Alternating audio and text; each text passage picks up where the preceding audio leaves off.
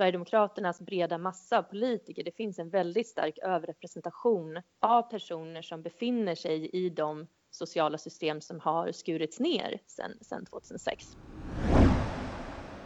Du lyssnar på Samhällsvetarpodden med mig Simon Winge. Och mig Ursula Berge. Idag ska vi prata om högerpopulism. Bara för att vädret är galet så måste inte politiken vara det. Om vi får bestämma så kommer alla utvisas. Det här är ett styrkebesked för den svenska modellen. Blir det krig i Sverige så tror jag vi alla skulle vilja se en samlingsregering. You look at what's happening last night in Sweden. Who would believe this? Sweden!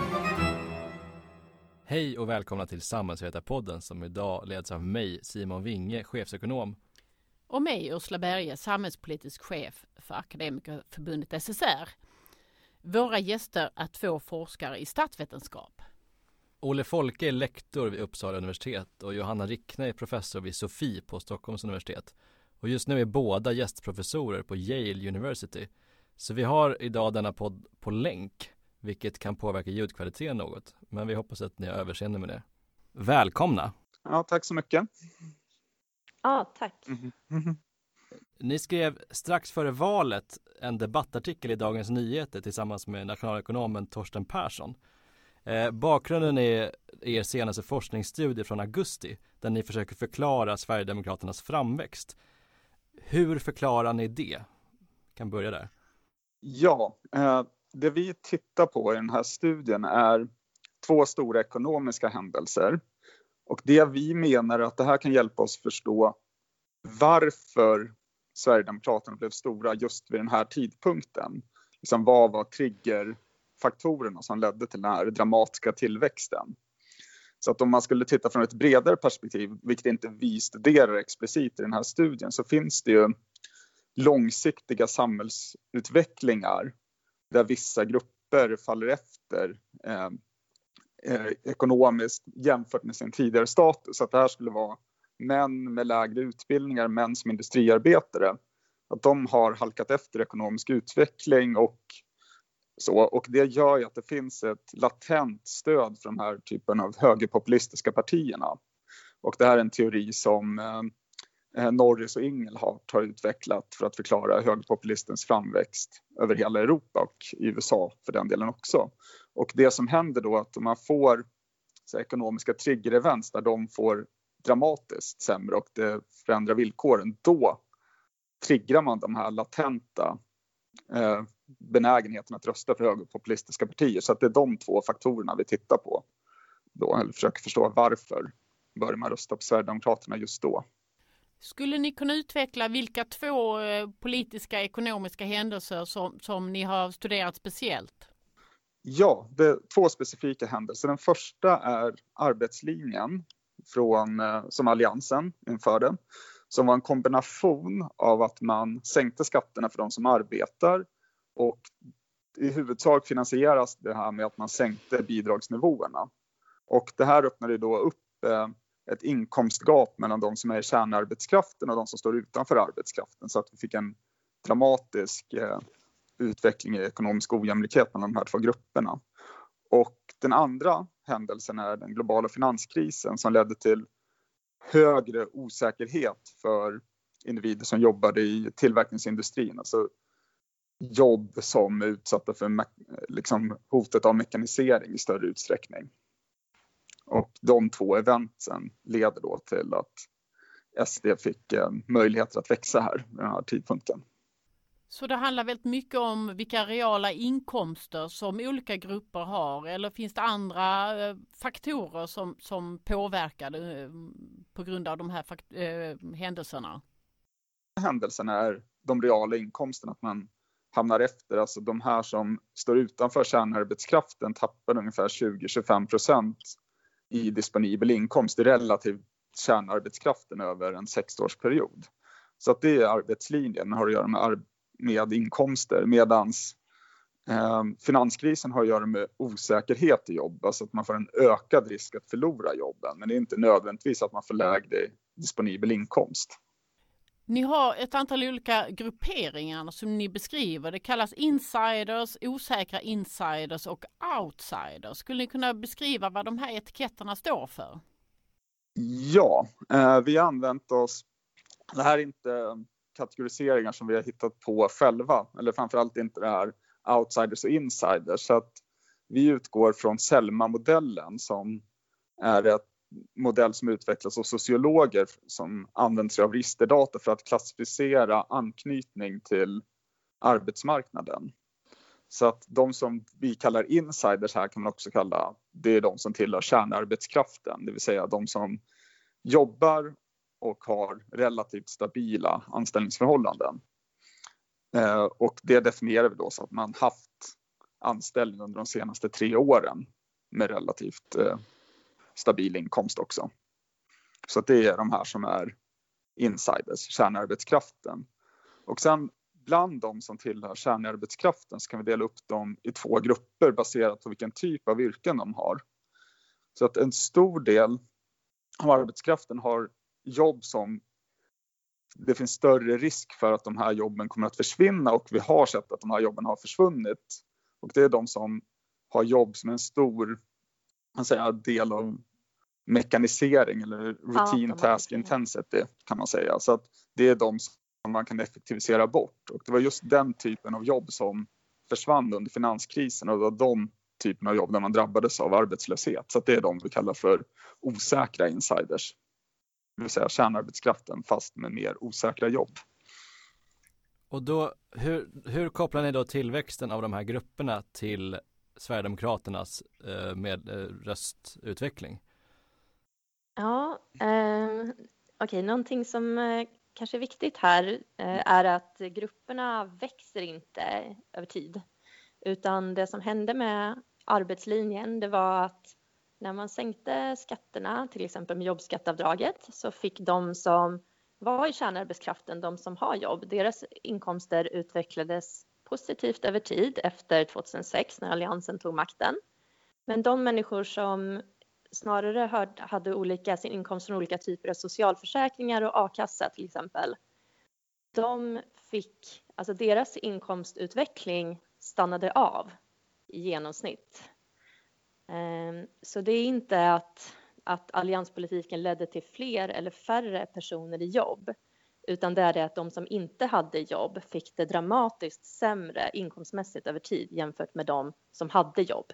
Så det skapades ekonomisk ojämlikhet mellan de här två grupperna som var konstanta i storlek. Just det, och det här beskriver ni som att efterfrågan på Sverigedemokraternas politik ökar. Men ni beskriver också en, en att det kommer en grupp politiker. eh, hur, hur lägger ni, vad är liksom nästa steg i er berättelse? Ja, den liksom analysen som, som vi gör i studien handlar ju om, det handlar om både politiker och om väljare. Så i svenska registerdata som ju finns på SCB så har vi personnummer på alla människor i hela landet varje år eh, mellan ja, slutet av 80-talet och fram till 2012 i vårt fall. Då innebär ju det att i varje, alltså i varje år så vet vi vart varje person i befolkningen bor, deras kommun. Och inom kommunen så vet vi vilket valdistrikt de bor i.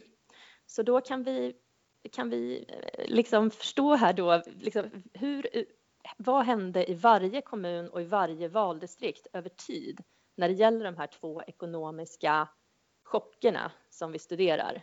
Hur mm. många väljare eh, Eh, fick en negativ inkomstutveckling relativt andra och mer osäkerhet i sina jobb i olika kommuner och i olika valdistrikt. Det kan vi i sin tur relatera till Sverigedemokraternas valresultat i kommuner och valdistrikt över tid för att studera om det finns en korrelation, liksom en, en statistiskt samband mellan de här två. Eh, det är ena väljarsidan. Och för politiker så är det så att i Sverige så måste ju så fort ett parti ställer upp i val, då måste man lämna in sin valsedel till, till, eh, ehm, till Valmyndigheten och eh, man måste ha med personnumret på alla personer på valsedeln. Eh, det gör att vi kan se alla politiker som någonsin har ställt upp på en lista för Sverigedemokraterna och för alla andra partier också. Och vi kan göra en koppling via personnumret då naturligtvis anonymt eh, till deras registerinformation. Så vi vet om varje sverigedemokratisk politiker var i kärnarbetskraften, om de till exempel hade eh, förtidspension, eh, grupper som föll, föll efter väldigt dramatiskt, till exempel med allianspolitiken. Så vi kan titta vad hörde Sverigedemokraternas politiker själva till de grupperna som fick det sämre genom de här två ekonomiska chockerna. Ehm, och vi kan också analysera andra sätt som, som Sverigedemokraterna och liksom skiljer sig åt från de andra partierna. Ehm, så det är det liksom som är datamässigt hur vi genomförde studien på väljarsidan och på eh, politikersidan. Och utifrån all den här informationen får i alla fall jag bilden av att ni har en ganska djuplodande kunskap om vilken typ av parti som Sverigedemokraterna är om man låter deras eh, eh, deras politiker, det vill säga de som står på eh, röstsedeln, spegla vad partiet är för typ. Vad skulle ni säga att Sverigedemokraterna är för typ av parti med detta som underlag? Ja, liksom huvudresultatet i, eh, i studien det är att vi kan se väldigt tydligt att Sverigedemokraternas politiker, de är starkt överrepresenterade i grupperna som fick det sämre på, på grund av de här ekonomiska chockerna. Sverigedemokraterna har ungefär 60 procent av sina politiker från personer som är utanför kärnarbetskraften och personer som har osäkra jobb. Det är högre än i befolkningen, alltså befolkningsgenomsnittet av de här grupperna. Men det är också betydligt högre än andra partier. I andra partier sammansatt så är det bara hälften. Det är bara 30 procent som kommer från de här grupperna som fick, fick det sämre ekonomiskt. Eh, och där i andra partier är det istället kärnarbetskraften. De partierna är väldigt etablerade på arbetsmarknaden, de politikerna.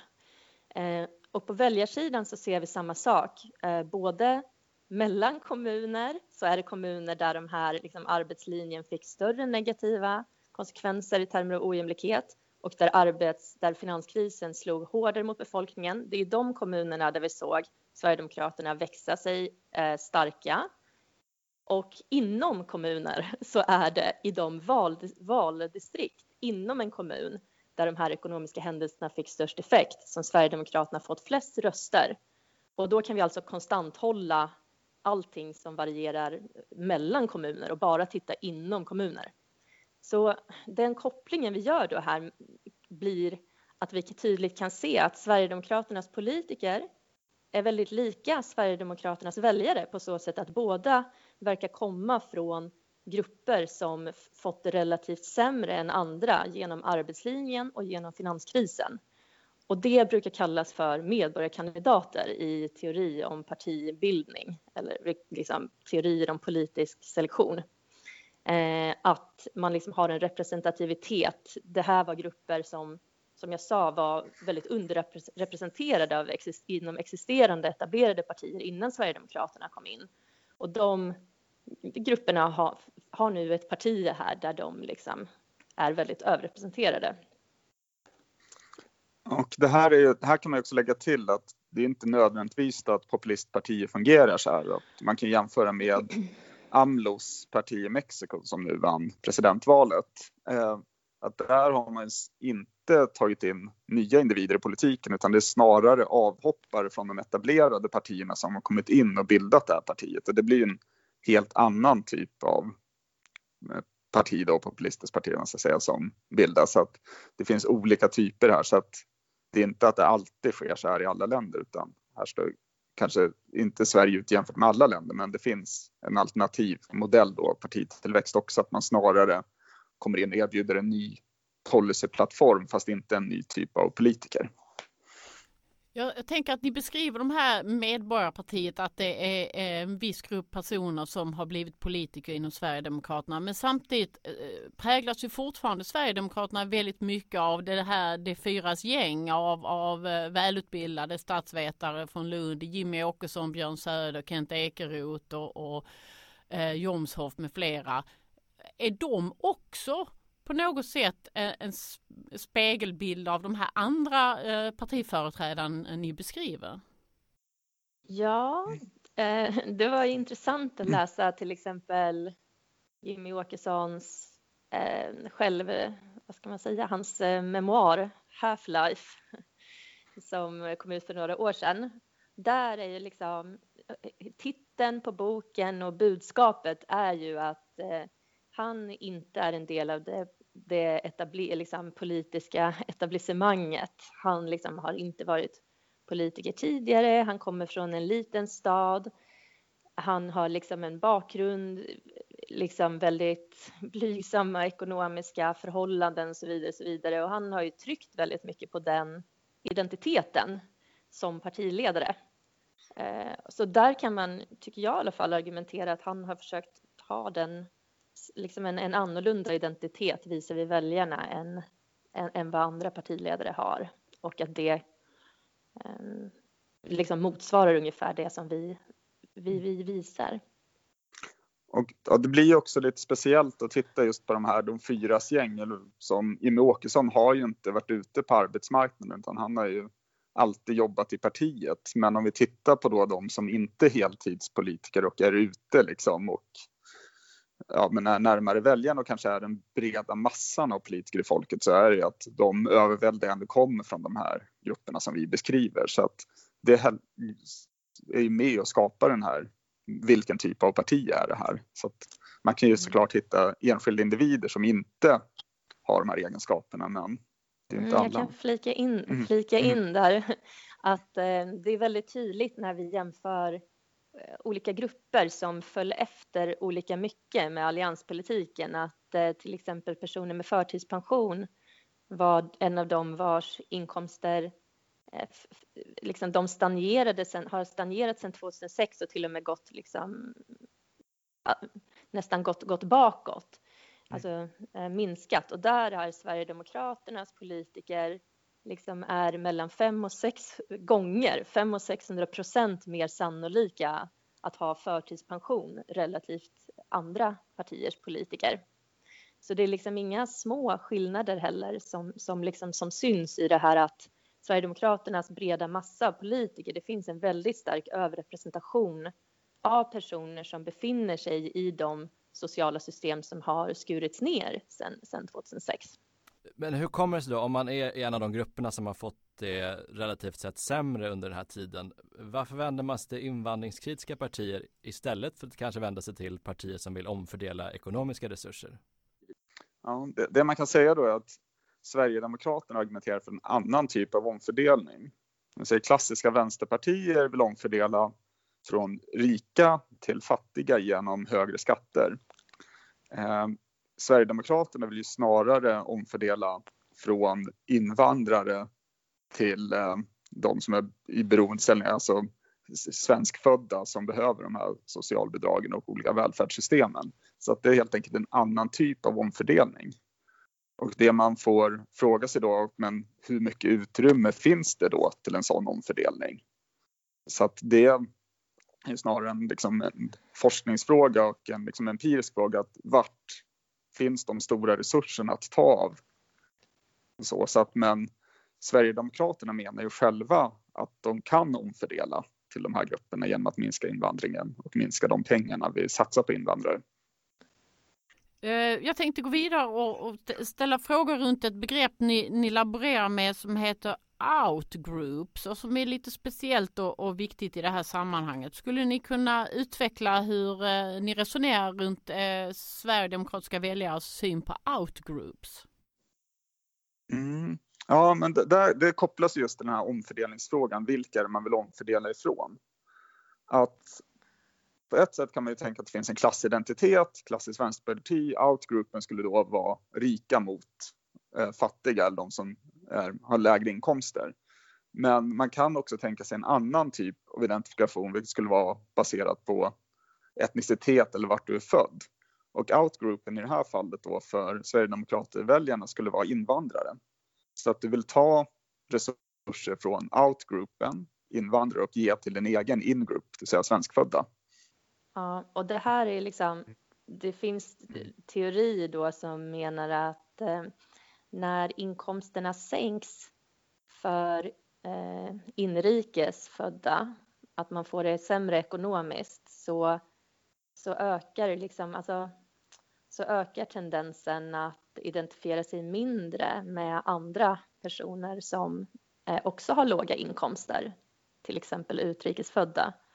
Och då kan man vända sig istället, liksom ett alternativ till att vända sig mot klassisk omfördelningspolitik Eh, från rika till fattiga är att man istället anammar liksom en nationalistisk position där man föredrar att utesluta personer liksom från, den, eh, från de här socialförsäkringssystemen och eh, snarare än liksom att, att ändra nivåerna genom att eh, till exempel höja skatten. I, i DN debattartikel som ni skrev nämnde ni att en, en annan grupp av outgroups förutom invandrare är etablerade politiker. Och då får jag lite flashback till Ny Demokrati som drev förutom en invandringskritisk linje också att man skulle skära i administrationen, att myndigheter var för stora, vi behöver mindre eh, ska säga, politikerstyrda organisationer.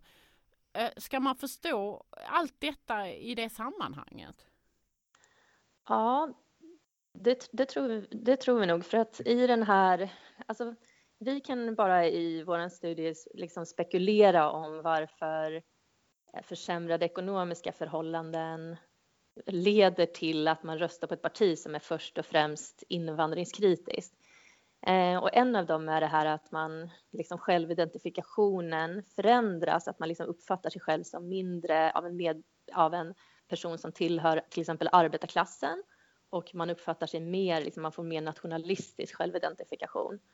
En annan liksom, separat eh, mekanism rent teoretiskt det är att när liksom, vi ser en politik som argumenteras som att den ska hjälpa liksom, människor på bred front, här arbetslinjen.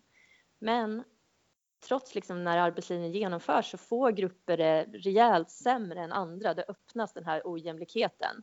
Då kan det skapas en försämring av förtroende för samhällsinstitutioner, att man, man får sämre, man börjar misstro liksom, de etablerade partierna man misstror liksom systemet på olika sätt för att man, man, ja, man får det sämre helt enkelt. Och då ökar liksom dragningskraften för partier som är eh, anti-etablissemangspartier liksom, som kritiserar etablissemanget, vilket ju Sverigedemokraterna helt tydligt gör. Det är en av deras, liksom, eh, någonting de har tryckt på sen, sen, sen början. Så det här liksom förtroendekanalen anses liksom i forskningen vara en väldigt eh, viktig anledning till att man börjar rösta på eh, partier som Sverigedemokraterna och det kan vi också se i SOM-data, alltså i individu individuellt surveydata över tid kan vi mäta vilka människor det är som tycker att Sverige, Sverigedemokraterna är det bästa partiet. Där kan vi se att ja, vi kan se först och främst samma mönster, att det är personer med svag förankring på arbetsmarknaden som börjar tycka mer och mer om Sverigedemokraterna över tid. Men samma grupper eh, är, ser också ett fall i förtroendet både för samhällets institutioner, media, liksom rättssystemet och för de andra etablerade partierna över samma period. Så det här kan liksom vara ännu en mekanism som kopplar liksom att man får det sämre ekonomiskt, man får sämre förtroende för den politik som tidigare har gett omfördelning eh, och man vill, vill testa något nytt liksom. Men går det där om man skulle ändra tillbaks vissa av de där sakerna, om man skulle minska kanske inkomstskillnaden och så. Eh, går det att få, eh, för man hör ibland att det inte går att få tillbaks väljare som har gått till SD. Eh, går det att, kan man ändra sig när man har förlorat den här tilliten? Det där är en väldigt intressant fråga. Det, det är ingenting som vi kan eh, testa direkt själva. Men däremot finns det ju, den här tappade tilliten kan ha väldigt stor betydelse för vilken typ av information man litar på, vad man tar till sig, vilka medier man förlitar sig på så sätt. Så att utifrån det kan vi tänka sig att det är liksom enklare att förlora de här väljarna än vad det är att ta tillbaks dem. Sen kan inte vi svara på om det är omöjligt eller inte, men det är självklart en försvårande faktor att man då tappar tilliten som gör att det är mm. svårare att vinna tillbaka dem. Mm. Och det här är ju liksom Mm. forskning från, från andra länder som har försökt titta på väljares radikalisering över tid.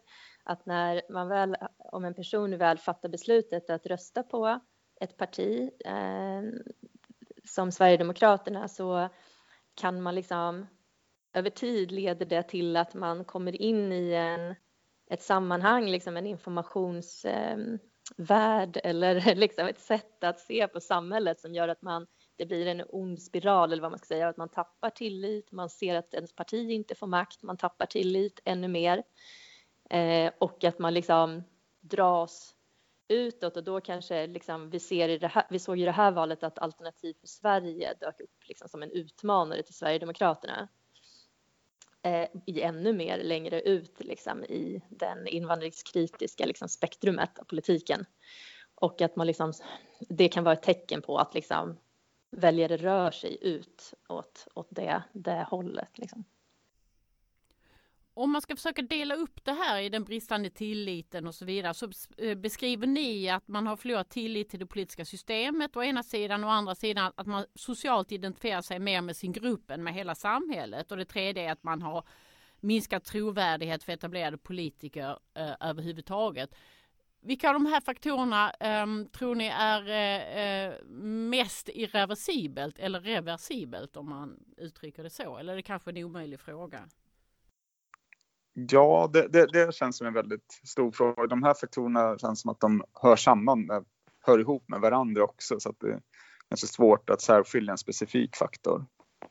Alltså, någonting som jag tycker liksom hör ihop med det här resonemanget det är liksom, eh, teorier om eh, högerradikala partiers framväxt på basis av vad de etablerade partierna gör det som liksom kallas för platform convergence. Att liksom i många olika länder, och det gäller även Sverige, så har vi liksom observerat över tid hur liksom de stora höger och vänsterpartierna, alltså Moderaterna och Socialdemokraterna, har blivit mer lika varann över tid när det gäller synen på skatter eh, och Sverige också när det gäller synen på eh, liksom invandring. Men om det liksom har om, om partierna går ihop i mitten och du ser ingen tydligt liksom, vänsteralternativ eh, så blir det såklart svårare att liksom, vad ska man säga, locka tillbaka en väljare som ser sin ekonomiska situation, osäkerhet på arbetsmarknaden försämras, men parti, de etablerade partierna båda vill ha jobbskatteavdrag, liksom allianspolitiken, alltså arbetslinjen ska, låg ju i stort sett fast även i den senaste mandatperioden. Och liksom hur irreversibelt saker och ting är beror ju till mångt och mycket på liksom vilka andra politiska alternativ som erbjuds. Och då framhålls ofta liksom att vi behöver titta på hur lika höger de andra alternativen är varandra. Är det någon som erbjuder liksom ett alternativ till den här invandringskritiska liksom omfördelningspolitiken? Ja, för ni beskriver ju hur Sverigedemokraterna överrepresenterar den här gruppen, outsiders och osäkra insiders. Eh, medan andra partier snarare underrepresenterar dem. Eh, kan man säga att de här etablerade partierna har misslyckats med att representera och rekrytera i förlängningen medlemmar? Ja, det, det är inte nödvändigtvis att det här är en misslyckande att rekrytera medlemmar. Eh, för den här, de här grupperna har alltid varit underrepresenterade i politiken. Så att det är inte att det är ett nytt fenomen. Så att det är inte nödvändigtvis att det är kopplat till medlemstappet. Däremot om vi tittar till exempel på Socialdemokraterna så har en nyckelrekryteringskanal varit genom facken. Och eh, facken är ju för de som är en del av kärnarbetskraften. Så att om du har facket som rekryteringskanal kommer du inte att nå de här eh, individerna in i partiet. Så att på så sätt man har, ja, man har misslyckats att få in dem i politiken, absolut. Det har man. Men hur, varför det här misslyckandet har skett kräver ju mer studier också, mer förståelse. Ja, alltså mm. om eh, alltså misslycka, hur man liksom, vilket ord man ska sätta på den liksom. Det är väldigt tydligt. Jag menar i Sverige så har vi mycket mer representativa politiker för befolkningen än i, än i många, många andra länder. Och det här är någonting som vi har liksom forskat på i tidigare studier. Så jämför man med USA där liksom två tredjedelar av eh, parlamentet är eh, advokater eller liksom jurister så har ju Sverige har ju en jätte, en förhållandevis väldigt, väldigt bra representation av olika ekonomiska bakgrunder. Men eh, liksom just personer som inte har någon förankring på arbetsmarknaden, de har liksom varit underrepresenterade i svensk politik eh, länge. Eh, och det är liksom någonting som, som, som har kommit att förändras genom liksom inträdet av Sverigedemokraterna. Ja, och, och, ni två är just nu i USA båda två och vi har ju sett en, en högerpopulistisk våg som är väldigt påtaglig i USA. Eh, inte minst med, med, valet av Trump och, och, kanske också valda delar av det här eh, mellanårsvalet. Vad ser ni för paralleller? Det är kanske det som ni forskar om just nu. Men vad ser ni för paralleller mellan era studier av Sverige och Sverigedemokraterna och det ni ser i USA nu? Um, någonting som, som en tydlig parallell och det återvänder liksom till det vi sa inledningsvis med de här latenta faktorerna som gör att man får nostalgi för det förflutna um, är, ser väldigt snarlika ut. Eh, och liksom Trump erbjuder ju Make America Great Again, liksom. vi ska gå tillbaka till liksom en svunnen tid där saker och ting var jättebra och samma sak Sverigedemokraterna vill ju också återvända liksom, historiskt till en mer liksom kanske till 50-talet eller, eller något sånt. Och eh, den här liksom sättet som, som man tittar på det förflutna, det är liksom kopplat till vilka grupper som har fått det försämrat ekonomiskt och socialt över väldigt lång tid. Inte bara liksom genom finanskrisen utan nu pratar vi liksom om effekterna av ekonomisk modernisering, alltså eh, att industriarbeten har ersatts av servicesektorn och, och eh, den offentliga sektorn över tid. Att högre utbildning har expanderat väldigt dramatiskt över tid, särskilt bland kvinnor. De här liksom processerna har lett till att män med kort utbildning har liksom fallit i inkomstfördelningen som grupp över liksom årtionden, väldigt, väldigt lång tid. Det här är liksom grupper som tyckte att det var bättre förr. De är liksom män med kort utbildning och arbetarklassbakgrund eller vad man ska säga, liksom ah, industriyrken och sådana typer av utbildningar. De är liksom dramatiskt överrepresenterade bland Sverigedemokraternas politiker. De är överrepresenterade bland väljarna och det var ett tydligt resultat just i midterm elections att de, kom, de är liksom nu ett av de absolut viktigaste block, väljarblock, de är liksom ett viktigt väljarblock för Republikanerna och det var också de som liksom bytte mellan Obama till Trump och var liksom väldigt viktiga just att Trump skulle vinna över marginalväljare för att ta makten 2016. En väldigt tydlig liksom parallell i vilka, vilka liksom som är the backbone eller vad man ska säga i liksom de här eh, rörelsernas liksom mobilisering av människor. Mm en stor skillnad det, där vi skiljer oss åt är den här representativiteten att fortfarande de politikerna som eh, representerar Republikanerna och knutna till Trump är ju absolut inte ekonomiskt marginaliserade själva utan snarare tvärtom. Så där, där ser vi en viktig skillnad. Samtidigt har ju Trump gjort en jättestor sak av det här att han inte är en etablerad politiker. Så i det avseendet så representerar han ju kanske samma budskap. Absolut. Mm. Ja, det, det, finns ju en argumentation om just retorik, att det är viktigt för de här populistiska partierna och identifikation med dem att använda mer vulgärt språk och mer direkt språk, att det kan vara en del av det här, men det är ingenting som vi studerar själva. Men man kan ju tänka på det i den dimensionen också, att det inte var en del av ett etablissemanget.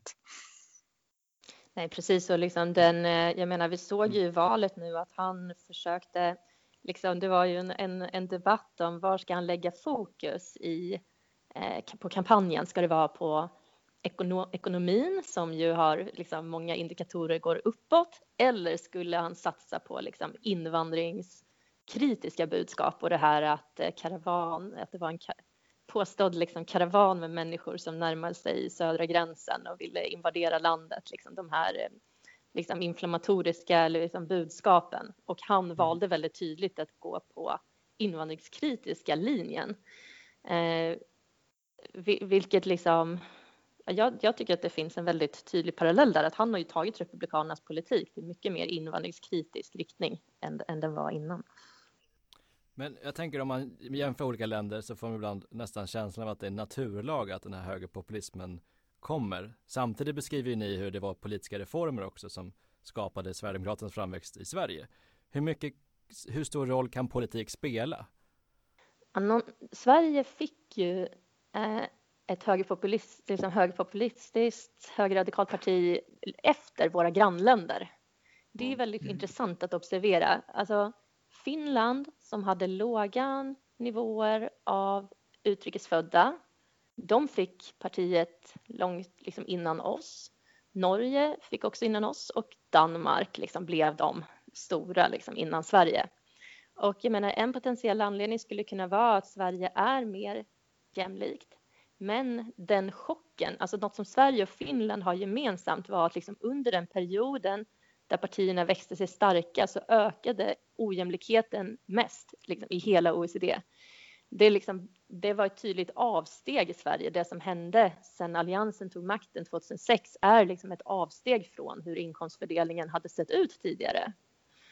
Så det vi, alltså, en, sättet som man kan se på det här på olika länder är liksom att mm. de här grupperna som har fått det sämre över årtionden, liksom, länge, länge, länge, de finns överallt. Liksom. Ekonomisk modernisering har hänt överallt, men de här triggereventsen som gör att liksom, grupper, stora grupper, och vi pratar om liksom, eh, 40-50 procent av hela liksom, väljarkåren fick det rejält liksom, sämre ekonomiskt. Det kan liksom triggra eh, röstandet och mobiliseringen i valet att liksom, okej, okay, nu, nu röstar jag på de här istället. Och de liksom eventsen tror vi är, liksom, det är klart att det beror av, av politik. Och det är också det vi, vi, vi, vi tycker oss se liksom, i vår studie. Och då får man ju lite slutsatsen att eh, det är inkomstfördelning och, och trygghet på arbetsmarknaden som, som är viktiga faktorer eller viktigaste faktorerna för att förstå SDs framgång. De andra partierna, alltså de som inte är Sverigedemokraterna, har de haft fel strategi då att i grunden prata om invandring när de egentligen borde prata om arbetsmarknad och inkomstfördelning för att liksom, bli större eller stoppa SDs tillväxt eller hur man nu tänker? Mm. Ja, det, det, kan ju på sätt och vis vara, det är klart man behöver prata om invandring för att bemöta SD den delen av politiken, men där vänstern kanske har misslyckats med budskapet att förklara för de här stora väljargrupperna varför de har halkat efter inkomstmässigt. Att man kanske skulle prata mer om hur mycket har de här stora skattesänkningarna vi har haft, hur mycket har de kostat? Liksom hur mycket intäkter har förlorats på grund av dem? Så att man lägger ihop eh, den avskaffade fastighetsskatten och jobbskatteavdraget tillsammans så hamnar vi på 200 miljarder kronor per år och inte ens de mest dramatiska beräkningarna av hur mycket invandringen kostar kommer i närheten av det. Så att kanske prata mer om de här väljarna men å andra sidan så är det kanske strategiskt av Socialdemokraterna att inte rikta in sig på de här väljarna för att de vill vinna mittenväljarna som har gynnats av den här politiken. Så det är svårt att säga vilken strategi som är rätt och fel. Men, men absolut så har man ju öppnat upp för Sverigedemokraterna genom att inte försöka ge tillbaks resurser till de här grupperna. Ja, det är svårt också när det gäller, när det gäller invandring och det har vi sett liksom, till exempel i det finska fallet och att liksom, eh, invandring som fråga kan, kan bli en mobiliserande faktor oavsett nivån. Eh, liksom, något som förenar Sverigedemokraternas väljare väldigt tydligt i, liksom i, eh, i, i enkäter det är liksom att eh, vissa tycker att, eh, att utrikesfödda liksom tar jobb, de hotar jobben. Men det är i själva verket liksom bara 40 procent av Sverigedemokraternas väljare som, som håller med om det. Medan nära 100 procent, alltså 98 procent håller med om att in, liksom invandring kostar för mycket för välfärden. Man måste offra välfärden för invandring. Och den här synen, det liksom finns ny forskning som visar att den är väldigt kopplad till liksom ens uppfattning om hur stor invandringen är, vart invandringen finns. Och det är någonting som folk ofta har väldigt fel om. Eh, det finns liksom uppfattningar om de här sakerna som kanske inte stämmer och då kan det ju vara bra att prata om dem. Hur, hur, hur, mycket, hur mycket är egentligen budgetallokeringen? Hur mycket det behövs resurser till att, att arbeta i välfärdssektorn till exempel i framtiden. Sverige har liksom en krympande befolkning. Kan det här, liksom, var, hur hänger den här, den här ekonomiska strukturen ihop med invandring på lång sikt? Eh, och liksom, vad är sammansättningen av invandring? Folk, liksom det vi har sett också i enkäter är att det är överskatt, folk, människor, svenska väljare överskattar väldigt mycket till exempel hur stor andel av invandringen som kommer från muslimska länder. Där kan det också finnas en roll för politiker att, att berätta tydligt. Ja, så här är läget liksom. Eh, så, att, så att människor har en korrekt bild. Eh, för det är inte nödvändigtvis så att liksom en röst på ett invandringskritiskt parti skapas av att bo i närheten av fler invandrare, liksom att invandringen har ökat där man bor. Eh, det kan vi väldigt tydligt se i den här studien, så verkar det liksom inte vara. Eh, det är inte där invandringen i sig har ökat mest. Däremot så kan det vara uppfattningar om invandring eh, som är viktiga, liksom, någonting som vi liksom inte kan mäta i, i registerdata. Ni studerade ju utvecklingen fram till valet 2014, för det är så långt det finns statistik på men snart så kom, det var ju ett nytt val där Sverigedemokraterna växte ännu mer. Och det antar att den datan kommer snart. Eh, kommer ni testa samma hypotes och ser ni så på en höft att har någonting strukturellt förändrats eller tror ni att ni kan utveckla den här tesen även eh, en valcykel till så att säga? Det skulle ju vara superintressant att eh, studera det. Tyvärr med tanke på hur lång tid det tar att beställa statistik och få den typ av statistik vi har så är ligger det här nog en, ett och ett halvt år i framtiden innan vi får tillgång till det datat vi skulle behöva. Men eh, vad det gäller framväxten, hur mycket SD växte fram till 2018 så var ju tillväxttakten lägre både i procentenheter och relativt. Så att man gick fram ungefär ja, 4-5 procent till valet 2018 men man växte ju mera procentenheter, man växte ju mera fram till 2014 så att eh, på så sätt är den perioden vi studerar ju en mer dramatisk tillväxtperiod. Och det finns ingen anledning att tro att samma faktorer inte skulle ha fortsatt fram till 2018. Med det tror jag att vi avslutar samtalet och tycker att vi har fått väldigt mycket ut av en djupare förståelse av Sverigedemokraternas politiker och väljare. Tusen tack! Tack, tack! Mm, tack så mycket! Tack. tack. Det var allt från Samhällsvetarpodden den här veckan. Samhällsvetarpodden görs varannan vecka och fångar upp stora samhällspolitiska frågor, helst med facklig twist. Prenumerera gärna på oss på de ställen där du brukar hitta dina podcasts. Samhällsvetarpodden görs av Akademikerförbundet SSR, Sveriges ledande samhällsvetarförbund.